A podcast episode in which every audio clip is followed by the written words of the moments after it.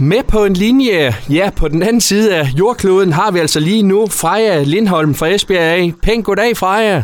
Pænt goddag. Ja, du er simpelthen i Australien og i byen Sydney. Altså, hvad er det, der sker nede hos jer lige nu? Jamen, vi sidder på øh, en bar, der hedder øh, Slip In, øh, og det var her øh, kongen, Frederik og dronning Mary, de mødte hinanden i sin tid. Og hvad, hvad, hvad er der sket i, i løbet af dagen?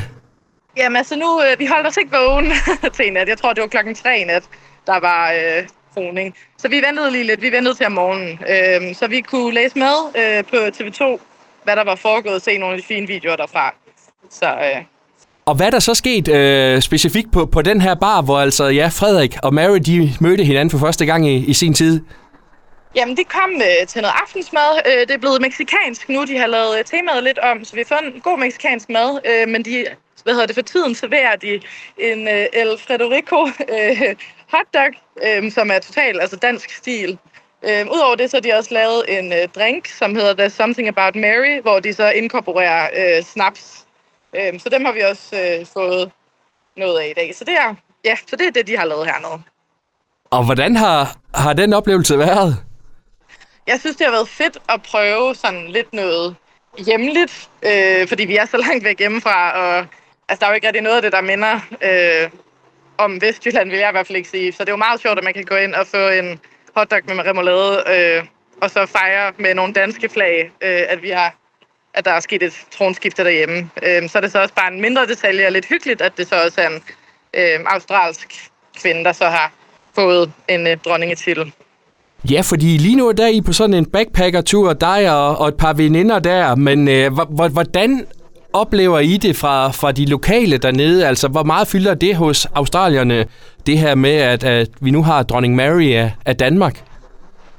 Det kommer selvfølgelig an på, hvad man snakker med, men jeg synes dem, altså et par stykker, i hvert fald nogle af dem, vi har mødt inde på den her øh, bar i aften, der har det helt klart altså været en, altså en stolthed.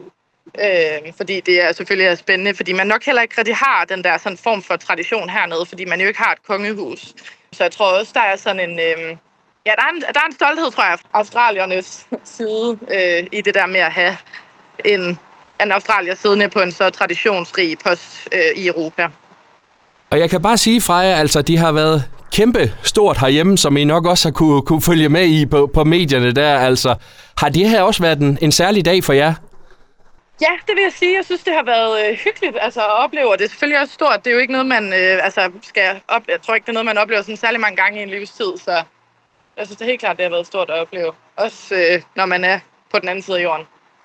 Og som sagt, I har været på den her bar, hvor Frederik og Mary mødtes for første gang. Altså, har I fået nogle gode historier, måske lidt øh, på, på rygtebørsen fra, fra nogle af de lokale om, omkring deres første stævnemøde? Ikke nu. Vi kan prøve lige at prøve at forhøre os øh, rundt omkring. Jeg synes ikke, øh, vi har ikke lige stødt på nogen endnu, men øh, det er også ved at være et stykke tid siden. Men øh, det kunne være, at vi skulle prøve lige ud og forhøre os.